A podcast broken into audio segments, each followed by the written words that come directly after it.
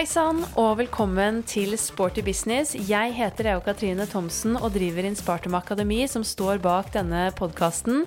Vi har et genuint engasjement for vår flotte treningsbransje, og jeg håper virkelig at du har satt pris på episodene så langt gjennom denne vårsesongen. Og husk at du alltid kan komme med ønsker til gjester eller innspill til tema som du ønsker å høre mer om i Sporty business.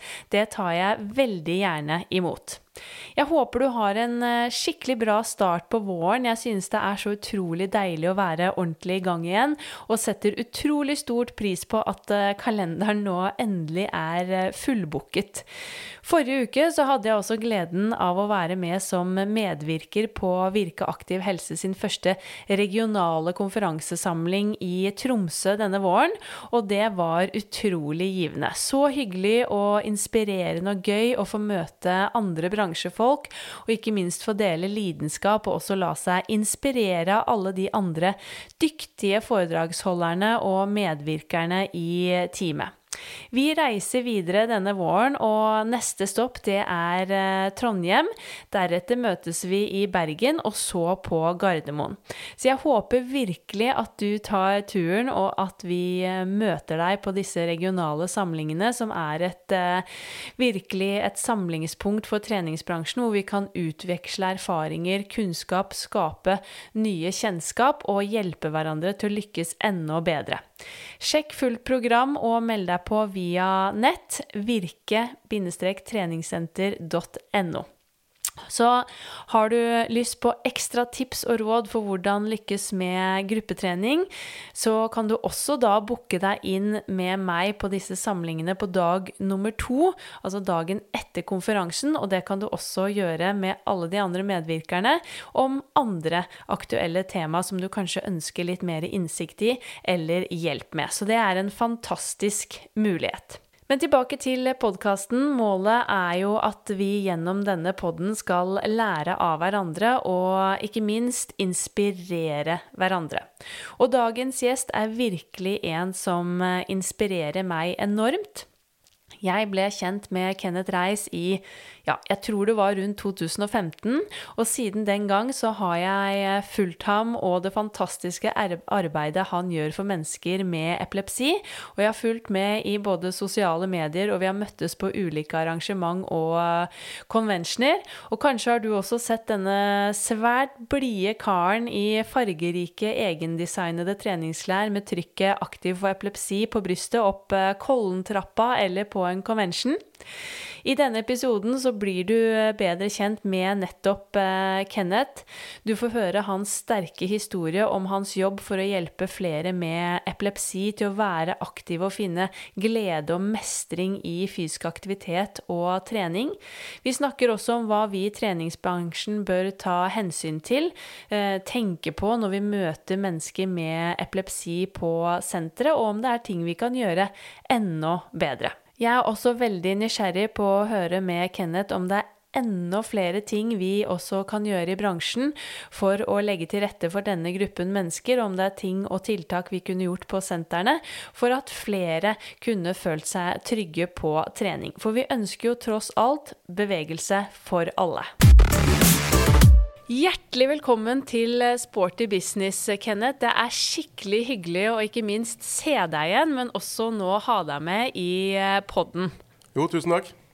Det er en stor glede. Jeg har uh, hatt deg som mange andre på denne lista mi i lang tid over en person jeg hadde lyst til å ta med i podden. Uh, jeg har jo kjent deg ganske mange år, faktisk, men nå er det lenge siden vi har sett hverandre, også pga. to rare år som alle vi i bransjen har kjent på. Men jeg syns jo det du jobber med er helt rått. Du driver jo aktiv for epilepsi, og det er det vi skal uh, snakke om i dag. Men først så er det jo alltid hyggelig med en liten sånn intro av dagens gjest. Så kan ikke du fortelle litt om uh, hvem du er? Hvem jeg er, ja. Har du god tid? jeg har god tid. uh, jo, jeg er uh, Kenneth Reis. Jeg er fra Horten. har vokst opp med dette med epilepsi, som vi har, skal snakke om litt sånn utover. Jeg har en eh, legejournal som er tjukkere enn Norges lover, men eh, eh, Så har jeg hatt en del utfordringer gjennom livet. Men eh, som jeg har sagt tidligere, det, det handler jo om å se mulighetene og ikke begrensningene. Og det er kanskje derfor jeg har eh, kommet dit jeg er i dag. Eh, og det å hjelpe andre. Eh, så mm, jeg syns det er eh, kjempeviktig. Og jeg tok også en eh, PT-utdannelse i 2014 på Norges idrettshøgskole. Mm. Som også har eh, hjulpet meg veldig. Det har jo også vært avgjørende for at jeg jobber på epilepsisenteret i Sandvika i dag. Herlig. Men, og du nevnte jo at du er eh, da utdannet PT, så du har jo en fot innafor uh, treningsbransjen også, for så vidt. Og vi har jo møttes bl.a. på flere conventioner på NIH. Men hva er ditt personlige forhold til treningsbransjen? Nei, mitt personlige forhold, det er uh, Jeg jobber jo jobber ikke på noe senter i dag. Jeg eh, jobber på epilepsisenteret i Sandvika. Men jeg har jo nytte av utdannelsen som jeg tok på idrettsskolen. Og eh, hjelper da eh, mennesker med epilepsi eh, til å komme i aktivitet. Eh, jeg tror det også er noe av grunnen til jeg starta aktiv for epilepsi. Eh, ikke bare pga. det med, med epilepsien. Så Og så trener jeg jo selvfølgelig på, på treningssenter i, i Horten. Mm. For eh, trening har jo vært en uh, stor del av, av livet mitt. Mm. Så, siden jeg var eh, guttunge. Ja. Så um, Hadde du en aktiv eh, barndom også, selv med på en måte en diagnose? Var det idrett og full rulle? Ja, jeg uh, fikk lov av uh, mamma og pappa til å gjøre egentlig det jeg uh, ville, innafor visse rammer, selvfølgelig. Og svømte. Jeg drev med Eller ikke, ikke i konkurransesvømming, men jeg drev med fotball. Sykla veldig mye, for det var jo snakk om at jeg mest sannsynlig aldri fikk førerkort. Så jeg sykla veldig mye som barn og ungdom, også fram til jeg blei voksen. Så um, på det meste så lå jeg på faktisk eh, 300-500 mil eh, på sykkel på sommerhalvåret. Ja, imponerende. Så um, eh, Det var jo Så det var egentlig sykkel jeg drev mest med. Ja, Ja. ikke sant? Og styrketrening. Da. Ja. Mm. Så du fikk, som du nevnte, lov å gjøre mye forskjellig når du var liten. Så du har tatt med deg aktiviteten og liksom gleden av å være fysisk aktiv helt fra barndomsårene. Ja, og det, for mamma og pappa var jo veldig opptatt av at det ikke skulle sys puter under armene på meg. liksom. Mm. Så, um, og det, det syns jeg er veldig viktig, da. Uh, uavhengig åssen diagnose man har. Uh, og, og den er jo retta mot foreldre. Eh, at barna skal få lov til å utfolde seg. Eh, det syns jeg er eh, kjempeviktig. For en dag så skal de barna flytte hjemmefra. Mm. Eh, og de skal faktisk klare seg selv. Ja. Ja. Det er, mm, Jeg har jo selv en eh, Eller vi heter det jo, jeg er jo gift. Så, og da Vi har en sønn som eh, har epilepsi. Han fikk epilepsi når han var åtte. I Ja. dag så er han, han er 13. Han får lov til å spille fotball, altså han får lov til å gjøre det han vil. Eh, han får ikke lov til å dra på stranda aleine. Men han får lov til å bli med kompiser hvis det er med voksne. Eh, vi setter svært få begrensninger. Så um, eh, Men det har også en tank, tanke det at han skal En dag så skal han flytte hjemmefra, forhåpentligvis. Mm. Og da må han klare seg sjøl. ja. Ja. Helt klart. Absolutt. Veldig viktig. Men i 2015 da, så startet du eh, aktiv for eh, epilepsi. Og målet det har jo da vært å synliggjøre at man kan være i aktivitet og ha glede, ikke minst, av fysisk aktivitet, selv om man da har en diagnose, og i dette tilfellet da epilepsi. Kan ikke du fortelle litt om liksom, bakgrunnen din eh, også, og liksom hvorfor det ble aktivt? Eh, akkurat aktiv for epilepsi, og hva liksom grunnen til at du startet det var? Jo, altså eh, Hvis vi skal starte med hvorfor jeg starta det, så eh, meldte jeg meg på et uh, trappeløp. Eh, så tenkte jeg jeg har lyst til å synliggjøre at du kan være i aktivitet selv om du har en diagnose. Og hoveddiagnosen min er jo epilepsi. Mm. Eh, så spurte jeg tre venner om de ville være med. De har ikke, de har ikke epilepsi, da. Uh, hun ene har fibromyalgi, og han ene er ledsager for blinde. Og siste er egentlig bare fra Drammen, egentlig. Så, så det, Men så spurte jeg disse her om de ville være med. Og så skulle jeg fikse trøyer med aktiv for epilepsi på. For da slapp jeg liksom være sånn Viggo Venneløs i den trappa, liksom. Og og de blei med. Og så la jeg ut på Instagram og Facebook uh, at uh, jeg hadde vært med. For jeg kalte det Aktiv for. Uh, for da kunne da pårørende, venner også stille under det samme. Ja. for det hjelper ikke å si til sin sønn og datter at det er er viktig å, å være i aktivitet hvis du sjøl ikke er det. Nei, ikke sant? Altså Nå snakker jeg om barn som ja, har epilepsi. Ja. Eh, hvis du sier til dattera di eller sønnen din nå må du gå ut og du må være i aktivitet, og så setter du deg sjøl inn og sitter på paden, det, det, sånn funker ikke. Eh, det handler jo om å være et, et godt forbilde. Mm. Så um, men når jeg la ut dette i sosiale medier, så fikk jeg jo ekstremt mange tilbakemeldinger i positiv forstand eh, om at andre også hadde lyst til å stille opp. Mm. Eh, så ni måneder etterpå så var det jo 72 stykker som var med i nytt trappeløp under aktiv for epilepsi. Ja, så det gikk, liksom, gikk jo fra fire stykker til 72. Og på det meste så har vi vært 130. Ja, kult. Så um, ja, jeg, jeg syns det er kjempe, kjempegøy. Men det skal også da sies at det er ikke bare mennesker med epilepsi, selvfølgelig. Det er pårørende og også da kjente profiler, mm. faktisk. Mm, ikke sant? Så um, ja, jeg, jeg syns det er kjempe, kjempegøy. Mm. Men eh, kan du ikke fortelle litt om uh, altså din erfaring med å leve med epilepsi, og for oss som ikke kan noe særlig om denne diagnosen, altså hva er det det egentlig er? Og hvordan har ditt liv uh, Eller hvordan ser hverdagen ut? Ja, altså Epilepsi er jo en funksjonsforstyrrelse i hjernen. Og det kommer jo an på hvor i hjernen du har den funksjonsforstyrrelsen. For mange har jo Altså det er mange tror jo at uh, majoriteten faktisk i Norge tror at alle med epilepsi, de ja, Nå ser du ikke at jeg knipser, men uh, Men uh, du bare knipser, og så detter alle rett i bakken. Ja. Sånn er det jo ikke. Altså, det gjelder 30% av de som har epilepsi i Norge. Og så har du 70% igjen. Hva, hva, med dem?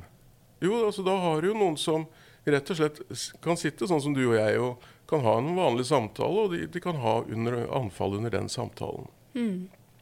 Eh, jeg har vært lagt inn på epilepsisenteret i Sandvika, og plutselig så er det en, en pasient der som reiser seg opp og, og kler av seg. ikke sant? Ikke, jeg vet jo ikke at en uh, kler av seg. Og, og, det er så mye og Det kan gå uh, hvileløst rundt. da, Og er ikke klar over at vedkommende gjør det. Ja. Eh, kan eh, si ting som jeg ikke er klar over, og kan gjøre mye forskjellig, da. Mm. Så, så, det er et stort spekter av ulike typer anfall. Jeg skjønner. Ja. Mm. Så um,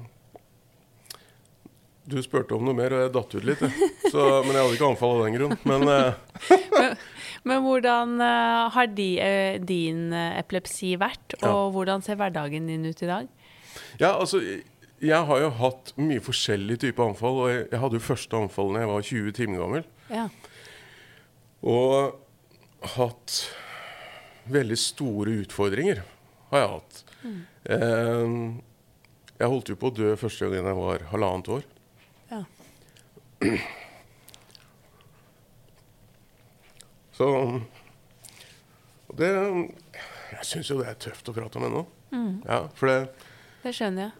Um, og det er jo bare én av de fire gangene jeg holdt på å dø. Ja. Um, men mamma klarer jo ikke å fortelle meg hele historien ennå. For um, jeg har prøvd å få den historien fra mamma og pappa. Eh, av, altså, for pappa har redda meg fra to drukningsulykker. Ja. Ja, det er, altså, Du bør ikke være noe geni for å skjønne at jeg ble redda, selvfølgelig. Jeg sitter jo her. Uh, men jeg, jeg, de klarer ikke fortelle meg hva Altså hele historien. For det går veldig inn på de òg. ja. Så mm, Og så har jeg jo den uh, Og dette her skjedde jo når jeg var Disse drukningsulykkene skjedde jo når jeg var 13-14 år gammel. Ja. Um, og siste gangen jeg holdt på å dø, var veldig nære, det var jo når jeg var ja, 17-18 og var um, alene hjemme. Og mamma og pappa var på hyttetur, og jeg får da anfall hjemme. Og dette er, dette er så lenge siden at det var jo nesten ingen som hadde mobiltelefon. Og de som hadde mobiltelefon, de måtte jo ha bærehjelp for å få den med seg. Uh, og så var dette på søndag. Jeg visste at mamma og pappa var på vei hjem. Vi hadde hustelefon, og eneste vi hadde. Uh, men jeg, jeg har all, alltid fått forvarsel på alle anfallene. Så jeg går og legger meg i senga mi, uh, og så kjenner jeg at alt blir svart. Og det fikk jeg alltid sånn, sånne type forvarsel på anfall. Eh, og så våkner jeg av at mamma har stoppa dette anfallet med akuttmedisin. Og da er liksom senga gjennomvåt og alt sammen. Og vi finner jo fort ut at dette her har jo pågått veldig, veldig lenge. Ja. Eh, vi snakker jo over, over time, liksom. Eh, så hadde ikke de kommet hjem, så hadde jeg nok ikke sittet i, i poden din i dag. Eh, jeg har jo vært kanskje litt slem noen ganger da med mamma og pappa og sagt at uh, det var jo bra det skjedde på en søndag, for hadde det skjedd på lørdag, så hadde jo ikke jeg sittet her i dag. Og det, det er jo litt spesielt å tenke på, da. Mm. Og derfor er det jo veldig moro da, å kunne få til ting som andre mener er kanskje enkelt. Men jeg får en kjempemestringsfølelse av det. Mm. Eh, hjelpe andre, gå opp en trapp og fullføre Kollen-trappa, ikke sant. Jeg blåser i hva tida, hva tida blir. Altså, når han andre har stilt opp og kommer opp og liksom sier at ja, men Kenneth, jeg slo deg. Ja, det håper jeg for all del. Du veier 40 kilo mindre enn meg. Um, så Og det er um, Det har vært mye sånt, da. Mm. Eh, og, så, og så var jeg gjennom den hjerneoperasjonen da jeg var 27. Og da hadde jeg hatt 60-100 anfall i måneden i halvannet år. Ja. eh, hvor jeg da var bevisstløs tre til fire ganger i uka. Ehm, og, og det er klart, det gjør noe med det. Mm. Ja. Og jeg husker mamma sa det at eh, hun var veldig glad jeg var over 18 år mm, for å ta den avgjørelsen om operasjonen.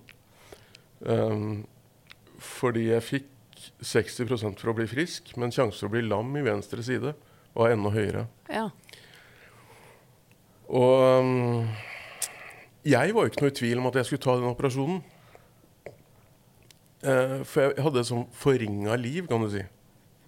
Eh, jeg, har, altså, jeg har mange venner i dag. Jeg hadde de samme den gangen. Eh, men jeg husker at jeg ble ringt etter på en tirsdag, og så sier hun at skal du være med på kino til fredag. Så sa jeg til Eskil at jeg, jeg vet ikke om jeg er i form til det. Og sånn ville ikke jeg ha det. Nei. Så mm, Og det er klart eh, Da er du villig til å ofre ganske Eller ja, ofre ganske mye for å få et bedre liv. Ja. Jeg syns det er utrolig ja, modig av deg å dele, og ikke minst eh, sterkt å høre på. Og jeg syns jo nettopp det du har gjort med å bruke stemmen din, og ikke minst skape synlighet eh, rundt dette temaet, er fantastisk flott. Og det er jo så utrolig viktig. Men eh, hvordan er hverdagen din i dag? Hjalp operasjonen når du var 27? Ja, i dag så kjører jeg jo kjører jeg bil. Om jeg kan kjøre bil, det er én ting. Jeg har lov til å kjøre, i hvert fall. uh, og, og så jobber jeg på Det er jeg kjempestolt av. Jeg jobber på SSC, altså Spesialsykehus for epilepsi i Sandvika. Og jeg hjelper da uh, Den jobben fikk jeg jo pga. at jeg er utdanna personlig trener. Uh, de skulle starte et prøveprosjekt med å få da pasienter ut i aktivitet. Eh, det starta da i april i 2016, og det prøveprosjektet skulle da eh, vare til juni 2016. Og nå er vi i 2022, og jeg er på jobb fortsatt. Ja, fantastisk. Ja, jeg syns det er kjempegøy. Og Men det handler jo om å gjøre det så enkelt. Eh, Og så må jeg også høre litt med, med deg. Hva har du lyst til å gjøre? For hvis jeg gjør noe du ikke har lyst til, så kommer ikke du neste gang. Nei, Nei. helt klart. Og um, For det Noen ganger så må du gjøre det sånn. Ja. Du skriver jo også på nettsiden din at liksom fysisk aktivitet er utrolig viktig for deg, som du også har nevnt nå innledningsvis, har vært det hele livet, og ikke minst da kunne liksom kjenne mestringen i å kunne være fysisk aktiv selv da med utfordringer. Eh, men hvor viktig vil du si fysisk aktivitet er for deg, og i hverdagen sånn generelt? Eh, forbedrer det virkelig også på en måte noe knyttet opp til diagnosen? Ja, altså det, det merker jeg jo hvis det har gått en periode hvor jeg ikke har um, vært i aktivitet. Ehm, jeg som mange andre har jo hatt korona f.eks. Uh, gikk da en periode hvor jeg ikke kunne trene. Ehm, har tidligere hatt årsaker hvor jeg ikke kunne trene. Det går jo også på det mentale, selvfølgelig. Ehm, og, men det går Det er ikke det at jeg får større anfall av det, men du får hyppigere. Og det er også gjort forskning på, på epilepsisenteret i Sandvika for flere år siden. Um, hvor majoriteten av de som har epilepsi, eh, får færre anfall, eller så er de på stedet hvil. Ja. Eh, Hvis de da er fysisk aktive og trener. hvis de er fysisk aktive. aktive. Det var kun én av ti som fikk en forverra anf- anfallssituasjon. Ja, Eh, så det er jo ganske interessant, da. absolutt. Det er jo som vi sier, det er medisin for alt, og det er jo i veldig mange tilfeller det. At det kan forbedre, og ikke minst den mentale effekten, og liksom hva det gjør med selvtilliten, mestringen i hverdagen, økt eh, energinivå, livskvalitet. Og bare de eh, positive effektene tenker jeg at det er absolutt veldig viktig også for mennesker med epilepsi, f.eks. Mm. Og det, de har også gjort en undersøkelse der hvor eh, flere pasienter eh, har, eh, så, er så, har så dårlig kondisjon at det alene gjør at de ikke kan være i arbeid. Så kommer diagnosen oppå der igjen. Ja, ikke sant? Eh, jeg jeg syns det er trist, rett og slett. Eh, for da har du en utfordring. Altså en stor utfordring. Eh, rett og slett med helsa di. Ja. Ja. Og um, det jeg er ute etter, litt sånn som du nevnte dette med aktiv forepilepsi, så jeg er ikke ute etter at jeg vil at alle skal løpe et maraton, eller at de skal bli med på noe triatlon eller sånne ting. Men det handler om å komme seg ut i aktivitet. Komme seg opp av den sofaen og gjøre det du klarer. Ikke sant? For Ja. alle klarer å gjøre litt. Ja. Så um, om det så er å Du begynner med å gå en tur. Ja. Så jeg har, uh, har snakka med pasienter som jeg har treffet igjen og igjen, hvor etter de, uh, jeg har snakka med dem første gangen, så har de liksom blitt inspirert til å komme i gang. Og så treffer jeg dem igjen. Og liksom, siden sist gang, Kenneth, så har jeg funnet meg en runde hjemme hvor jeg har begynt å gå. Men jeg bare går. Ja, men det er kjempebra, det. Så um, Og da har de kommet seg ut i aktivitet, ikke sant. Ja. Ja. Jeg kan jo se for meg at det er mange med epilepsi som sikkert eh, kvier seg for å da drive med idrett eller aktivitet, eller kanskje reise på et treningssenter og trene, eller da gå eller løpe en tur, sykle, nettopp fordi man kanskje er redd for at man får et anfall. Eh, hva tenker du om det? Har du liksom noen gode råd til eh, dem? Ja, altså jeg tenker jo først også at eh, de som har epilepsi, har også en plikt til å fortelle Eller plikt og plikt, men det, det hørtes litt brutalt ut. Men de har også en eh, De er nødt til å informere. Ikke sant? Jeg som har epilepsi, må informere deg om Hvis du er min PT, eller du jobber på et senter, så må jeg fortelle at vet du hva, det, jeg har epilepsi. Eh, og mine anfall de arter seg sånn og sånn. Det er helt uproblematisk, men eh, hvis jeg får anfall, så må dere gjøre sånn og sånn. For, øh, og hvorfor jeg sier sånn og sånn, det er for at alle anfall er forskjellige. Ja, ja. Ja, det er jo kjempeviktig å få den uh, informasjonen. Ja, for jeg, nå har ikke jeg trena på mange forskjellige senter. Det er jeg rundt om. Men der jeg har trena, og det er jo lokalt i Horten, eh, så er de veldig flinke. Ehm, og, eh, og det, men det handler også om eh, og at eh, du må informere selv også.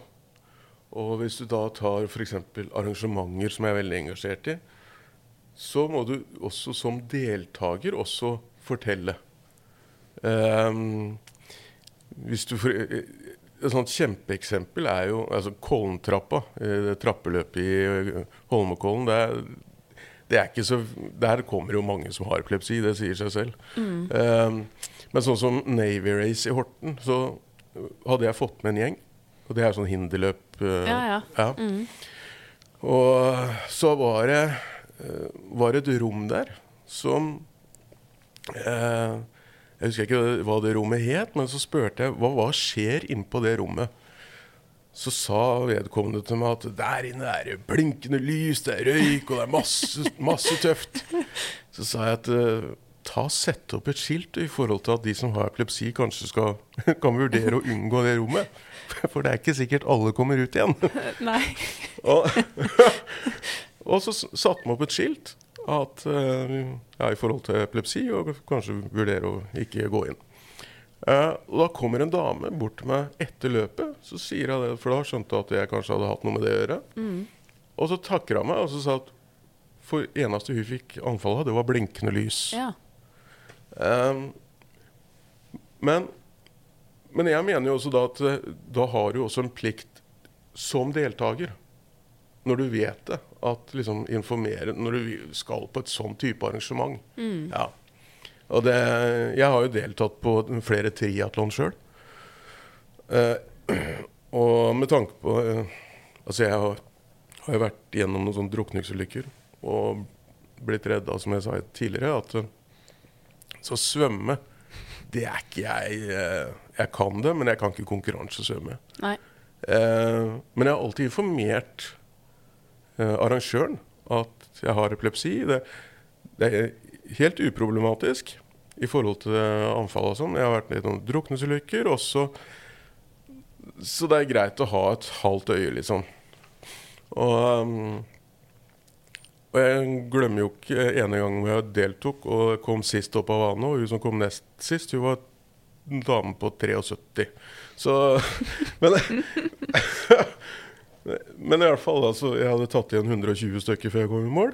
Så, men, men jeg syns jo det er kjempegøy, og da er vi tilbake på det med mestringsfølelse. Ja. Ikke sant? Ja, det, det handl, Alt handler jo om mestringsfølelse. Mm. Så, Ja, det er, eh, det er så essensielt på alle arenaer. Eh, Og det ser man jo fra idrettspsykologi nå. Mestring, mestring, mestring. Det er det som går igjen i alle disse idrettspsykologiske teoriene òg, for å fremme motivasjon, ikke minst, men også for å fremme trivsel, velvære, selvtillit, selvfølelse. Altså det har så mye å si, eh, den eh, mestringsfølelsen. Og det er eh, Det er liksom ikke så Noen ganger så er det ikke så mye som skal til. Ikke sant? Og da du er, Det er derfor du er nødt å eh, Det er det jeg har vært ute etter når jeg har snakka med vedkommende når jeg har reist rundt. eh, for å hjelpe andre. Mm. Eh, for idrettsmessig så er det ikke mye jeg har prestert opp igjennom, altså. Det skal jeg ha. Og, men etter jeg starta aktivt for epilepsi, så jeg ser jo det er mange jeg har hjelpa. Ja. Jeg ser jo det. Mm. Og jeg syns det er gøy. Ja. Ja, ja. Og det er uh, enda viktigere, vil jeg si, enn uh, hvor høyt opp på eh, resultatlista du har havnet. Jeg er listefyll, kaller jeg det. Uh, ja.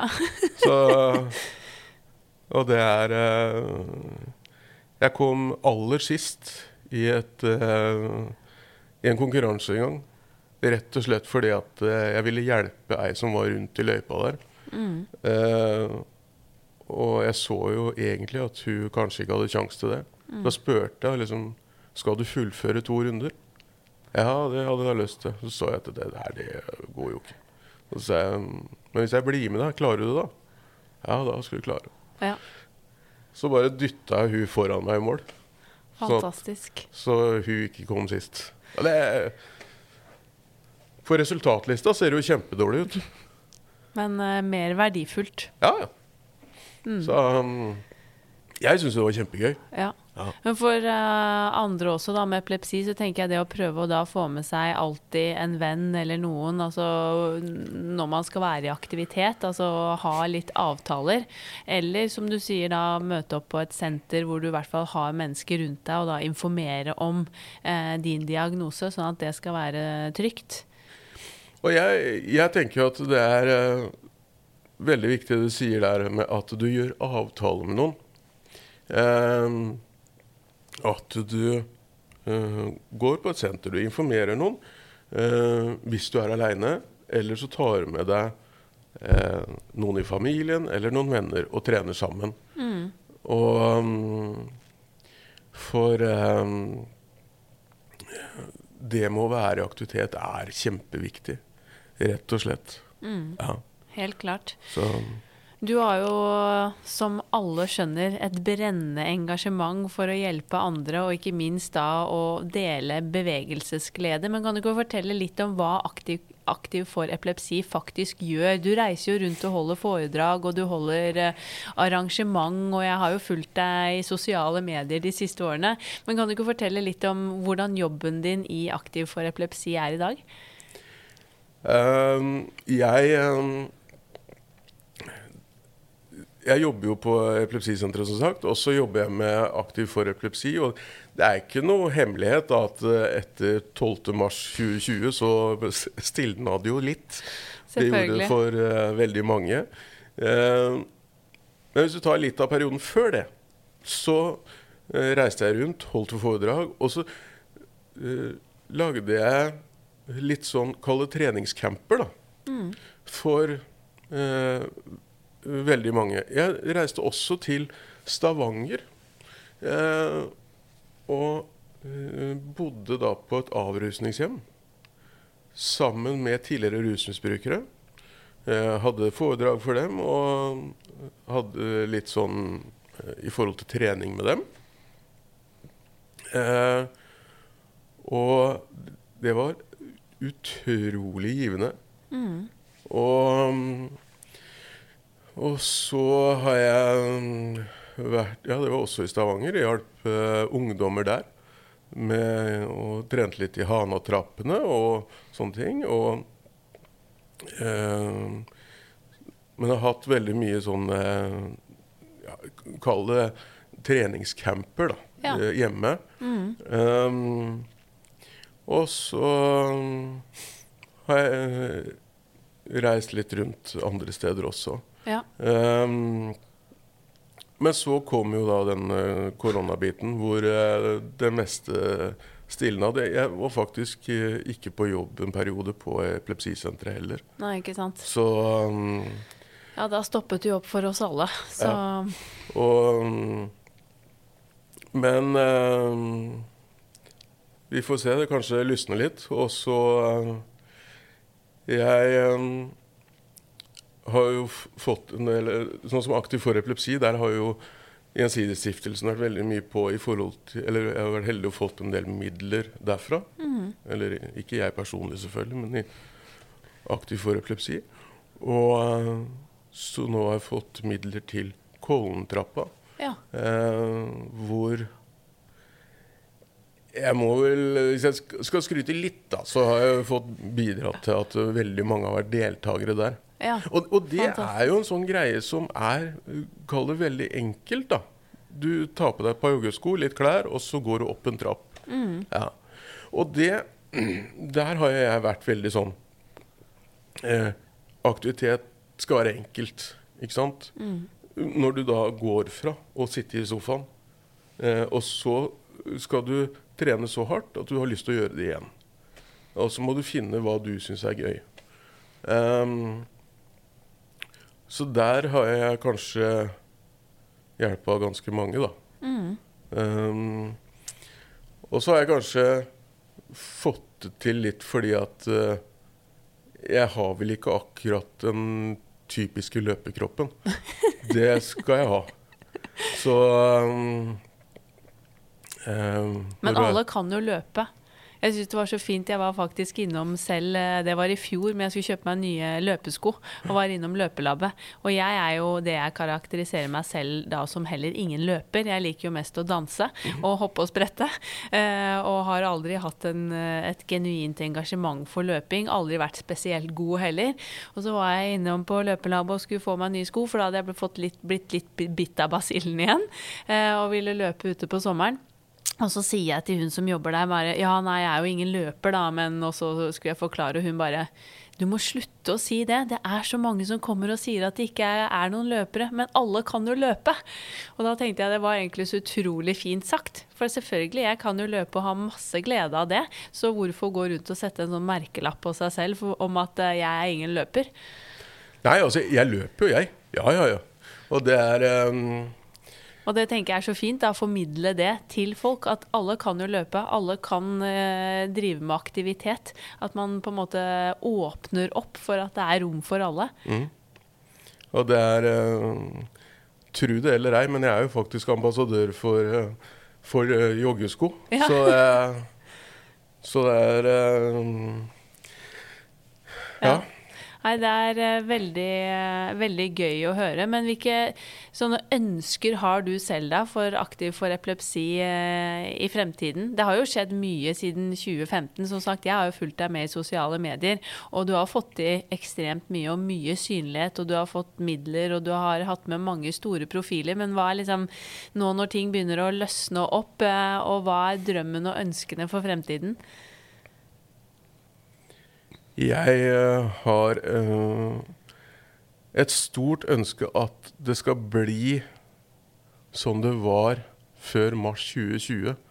For da var I 2019 så var jeg med på tolv arrangementer. Eh, jeg reiste rundt og hjalp folk med aktivitet. Jeg reiste rundt og holdt foredrag om min egen historie og epilepsi. I, også, og da selvfølgelig i forhold til aktivitet osv. Um, da skjedde noe liksom hele tiden. Jeg tjente jo ikke noe på det, det var ikke det. Uh, mange tror at jeg tjener eh, gress på den der eh, aktiv for epilepsi. Eh, jo, jeg har altså aktiv for epilepsi, så jeg har fått tildelt penger til bil og sånn, men du blir jo ikke akkurat mett av å tygge på et bilhjul. Så Men jeg syns det er så gøy å hjelpe andre. Og nå har jo gått to år, og det er nest, du kan jo nesten ikke hilse på naboen. Nei. Ikke sant?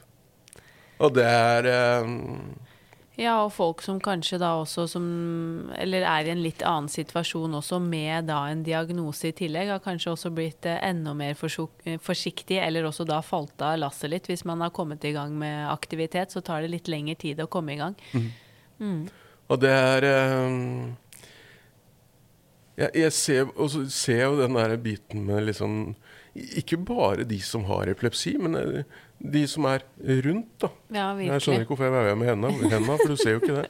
Um, men um, Det kalles uh, lidenskap og engasjement. Ikke sant? Mye eh, gestikulering og Ja.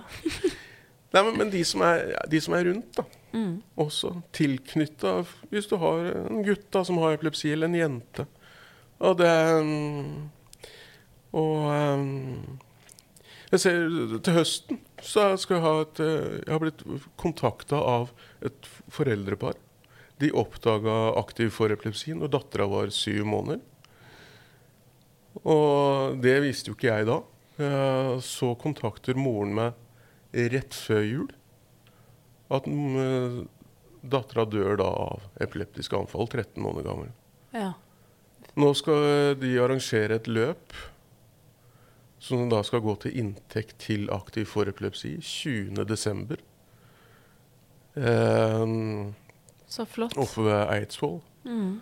Eh, fordi de syns den jobben jeg har gjort, har vært så fantastisk. Eh, Velfortjent, vil jeg si, og det viser jo bare hvor viktig det er den jobben du gjør. Og jeg vil jo i hvert fall si til alle som hører på, at nå er det bare å ta kontakt og booke deg inn, også for alle oss i treningsbransjen, tenker jeg, for dette her er så viktig, da. Og vi ønsker jo nå å få til et bredere samarbeid med liksom helsetjeneste. Vi snakker om trening på resept. Vi ønsker å bli enda proffere i treningsbransjen. Og hvis vi skal klare å hjelpe enda flere da, og faktisk være et inkluderende tilbud, så trenger vi å få inn alle mennesker som har behov for å bevege seg, finne glede i bevegelse.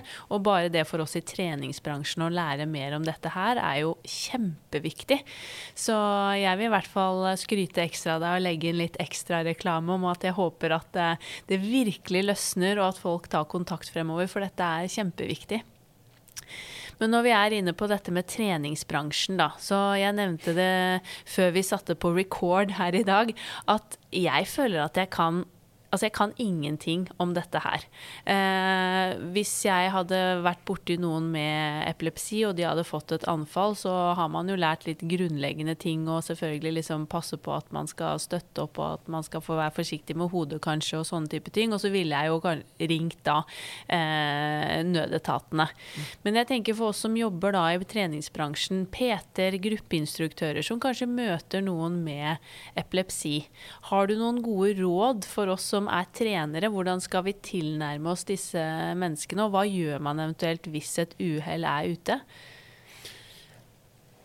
Ja, altså, det er ikke så mye man trenger å gjøre i forhold til eh, tilrettelegging med trening, hvis du har det du tenker på.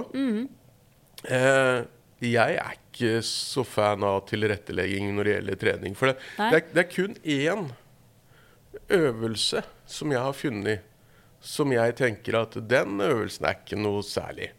Eh, I hvert fall ikke å gjøre aleine. Og det er benkpress. Ja. For hvis du da får et anfall hvor du da mister bevisstheten f.eks., og du trener aleine, den er ugunstig. ja. Eh, ellers så er det eh, er ikke så mange øvelser som er Kall det farlig, da. Det er, det er farligere å ikke trene, Ja, faktisk. Ikke sant. Ja. Men hvordan er uh, høy lyd og musikk og sånne type ting? Det er, uh, det er svært få som uh, reagerer på, på høy lyd. De kan reagere på brå lyd. Altså hvis du slår i en blekkplate. Ja. Men det er svært få. Ja. De tror jeg ikke du finner på treningssenteret, faktisk. Så i prinsippet så kan du gjøre Altså trene hva du vil. Um, men det som er viktig, det er jo faktisk Og det gjelder jo alle, det er ikke det. Men og det å varme opp Ja. er viktig. Uh, altså få, pulsen opp. Uh, og så få pulsen da tilsvarende selvfølgelig ned når økta er på vei ned igjen. Ja, når vi skjønner. snakker om f.eks. det du er opptatt av, dansing. At det ikke bare går rett på Mm. og rett av. Ja. Um, og spinning, for eksempel, og sånne ting. Mm. Uh, og så eh,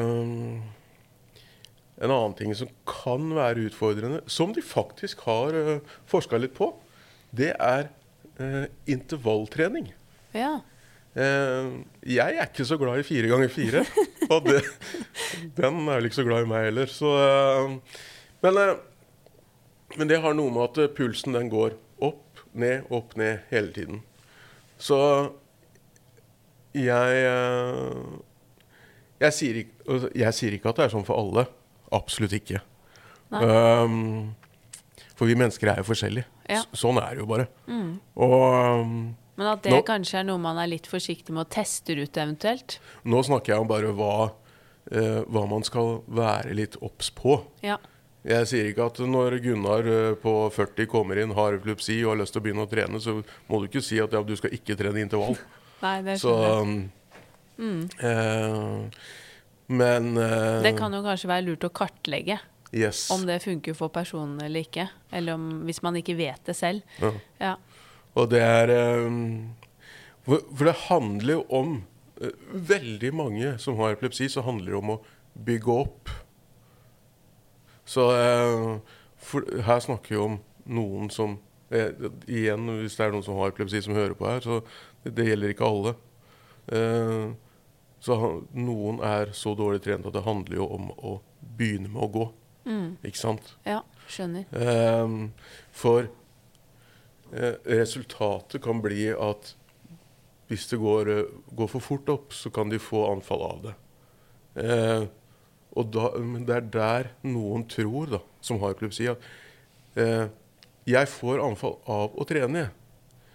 Nei, men hvordan begynte du? Ja, men jeg begynte med å løpe.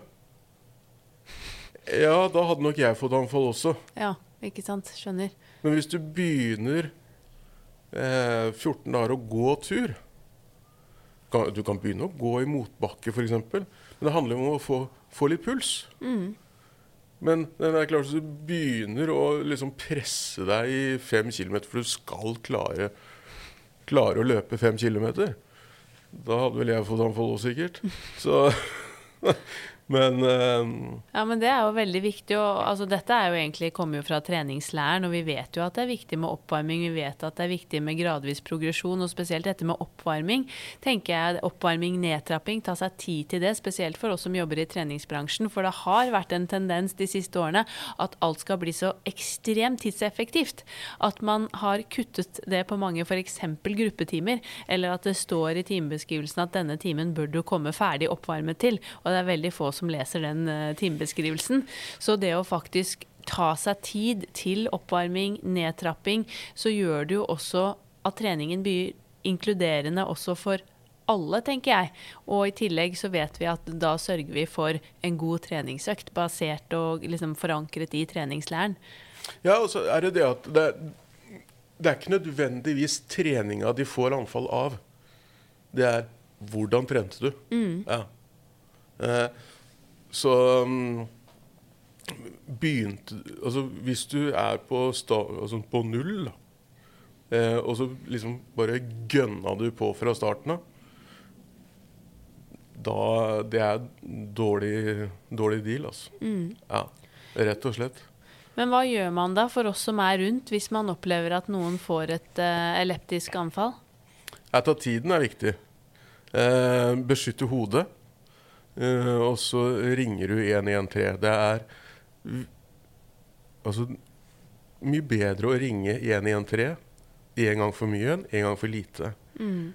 Eh, men de på 113 vil mest sannsynlig, vil jeg tro, da, eh, spørre hvor lenge det anfallet har, har vart. Og da, men nå snakker jeg om uh, anfall hvor de mister bevisstheten. Mm. Ja. Det var det jeg tenkte på også. Eh, og så bare Men få bort de menneskene som ikke har noe med det å gjøre.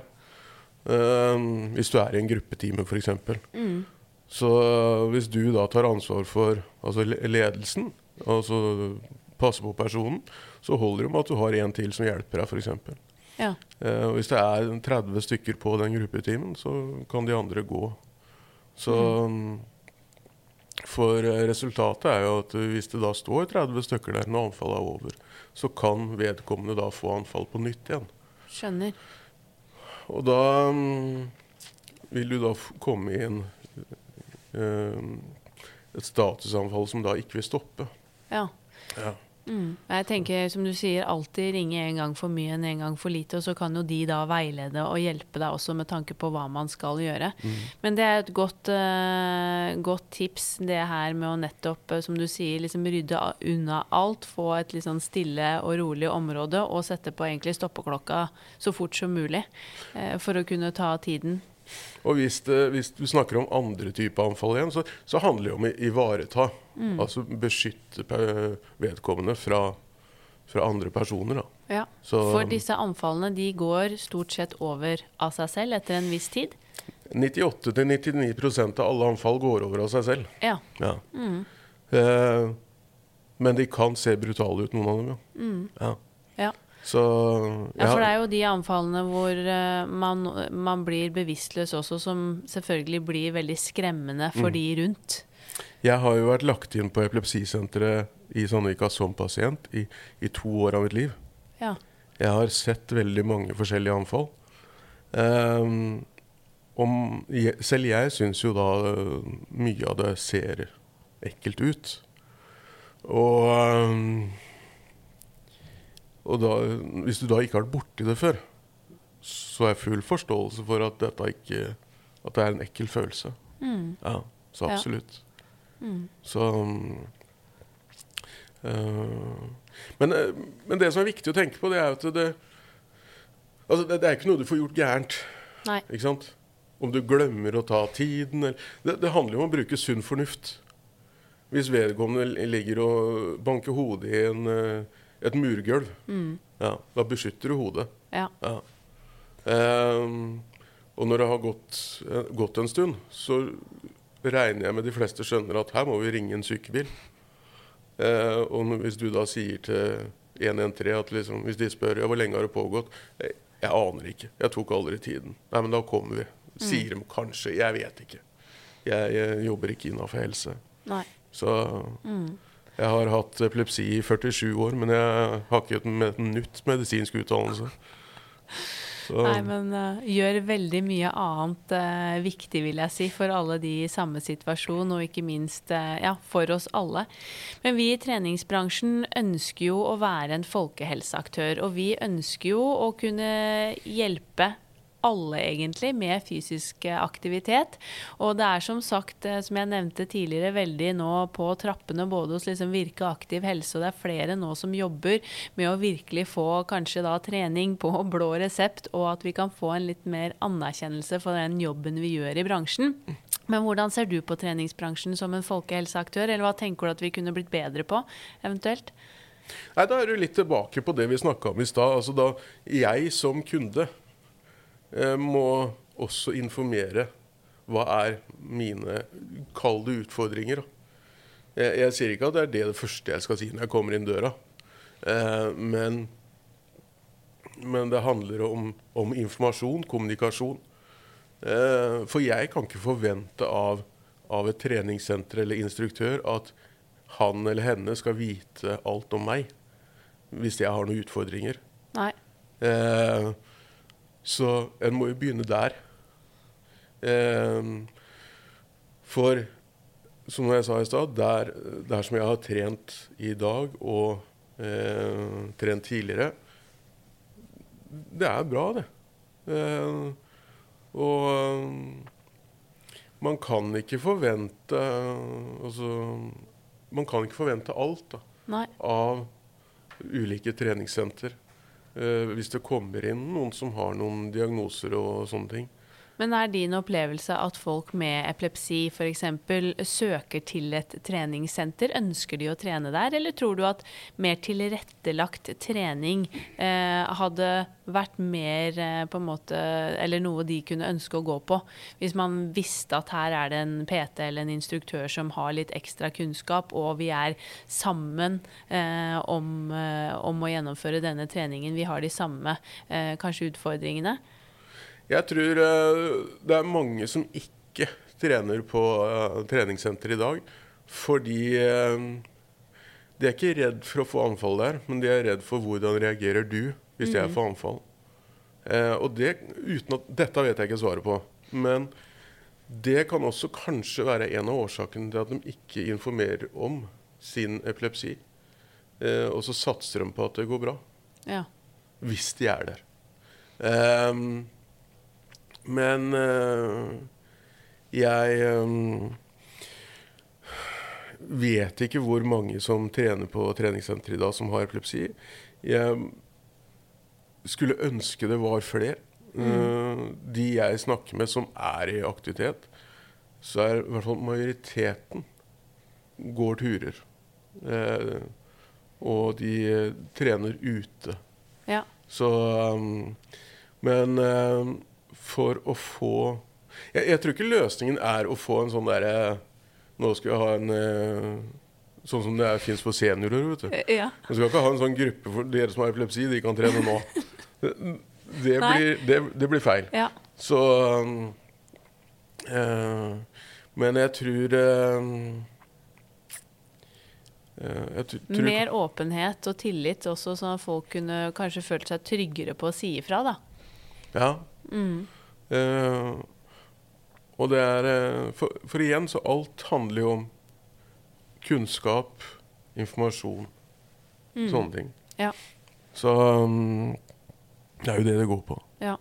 Og der gjør jo du allerede en viktig rolle, det med å sette ord på det og snakke høyt om det. Det er jo på lik linje med så mye annet, eller psykisk helse, andre ting som folk kanskje kvier seg da, for å fortelle denne informasjonen. Men jeg tenker at vi må være så rause med hverandre at det er rom for å kunne fortelle dette her, og at eh, alle skal kunne føle at det er ja, rom for det, og oppfordre dem til å gjøre det. Og så tror jeg kanskje noe av dette her med at uh, hvis de ikke har vært på et treningssenter før, så er det, de er redd for kanskje å Hvordan ser du på, på meg når jeg kommer inn på treningssenteret? Har jeg de riktige skoa? Har jeg de riktige klærne? Ikke sant? Mm. Gjør jeg det riktig? Ja. Ikke sant? Eh, Helt så, klart. Og så koster det så og så mye for å bli der. Eh, og da velger de heller å trekke seg unna. Uh, og det er trist, altså. Mm. Ja, ja, der har vi en jobb i bransjen å gjøre. Jeg har jo snakket, det, snakket om det med mange, nettopp dette at uh, hvordan vi blir sett på utenifra, da. Vi mm. eh, som jobber i treningsbransjen og treningsbransjen som helhet, er dessverre litt eh, annerledes, eh, tror jeg ofte, enn hva vi selv tror og håper. Eh, og nettopp det at folk kvier seg fordi de tror at det er liksom full rulle om, og du må trene så hardt som Ja, altså trene maks og gå i kjelleren hver gang, og du må komme i, som du sier, de riktige treningsklærne. Du må egentlig helst være godt trent før du kommer, osv. Og, så og det her er jo noe vi virkelig må gjøre, gjøre, noe med, og klare å snu det, sånn at folk eh, tør å oppsøke treningssentrene. Men Det er derfor jeg har sagt til veldig mange at eh, du har dine forutsetninger, og jeg har mine. Eh, hva du klarer det, det, altså jeg, jeg, altså jeg, har kommet så langt i livet at det, jeg bryr meg ikke. Eh, og så har jeg mine, og så når vi da når målet, da er det greit. Mm. Ja. ja. Så har du klart ditt, og så har jeg klart mitt. Om resultatet er forskjellig, det er mest sannsynlig.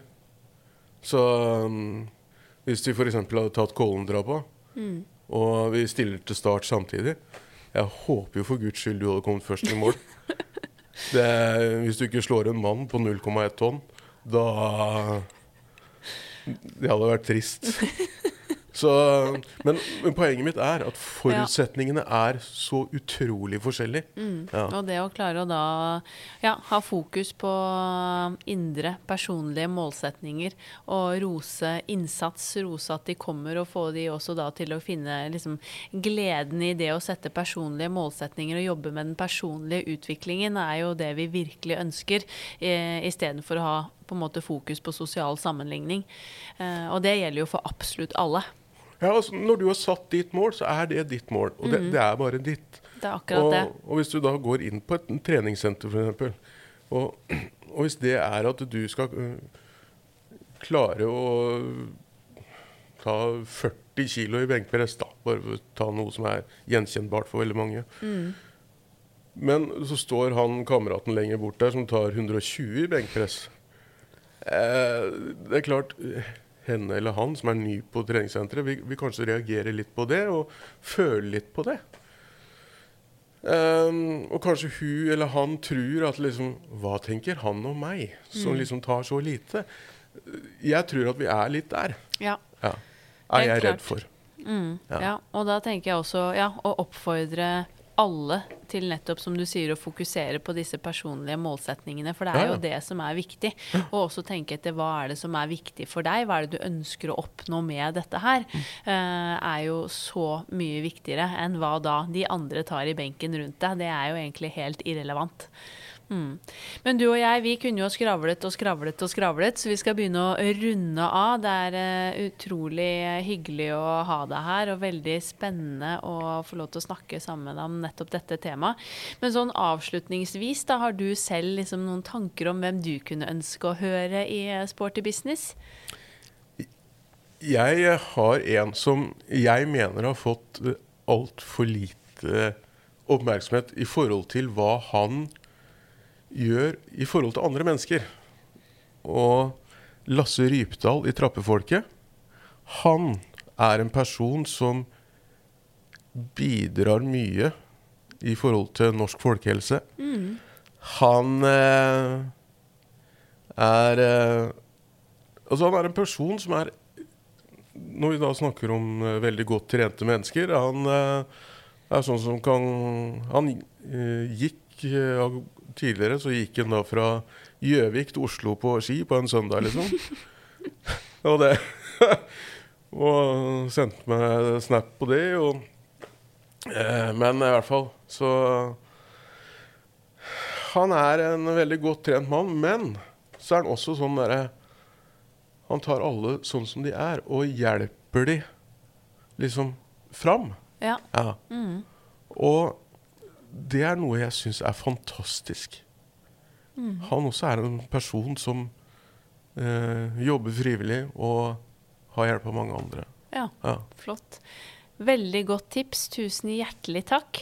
Og ikke minst tusen takk for at uh, du tok deg tid til å være med og ville dele av din uh, historie og erfaringer og snakke om uh, Aktiv for epilepsi. Du gjør en strålende og viktig jobb, så jeg ønsker deg masse lykke til videre. Og så håper jeg at jeg ser deg rundt omkring i Norges langstrakte land fremover. Så tusen hjertelig takk. Tusen takk.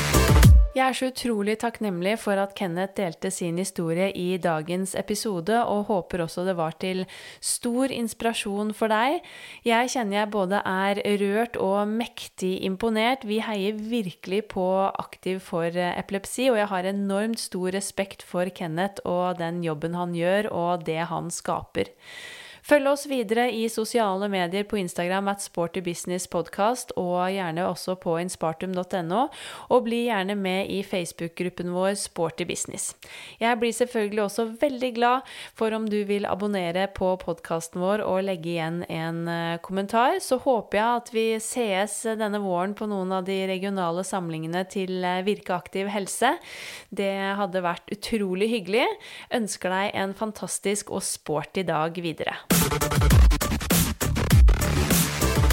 Denne podkasten produseres av Inspartum Akademi og North Stories.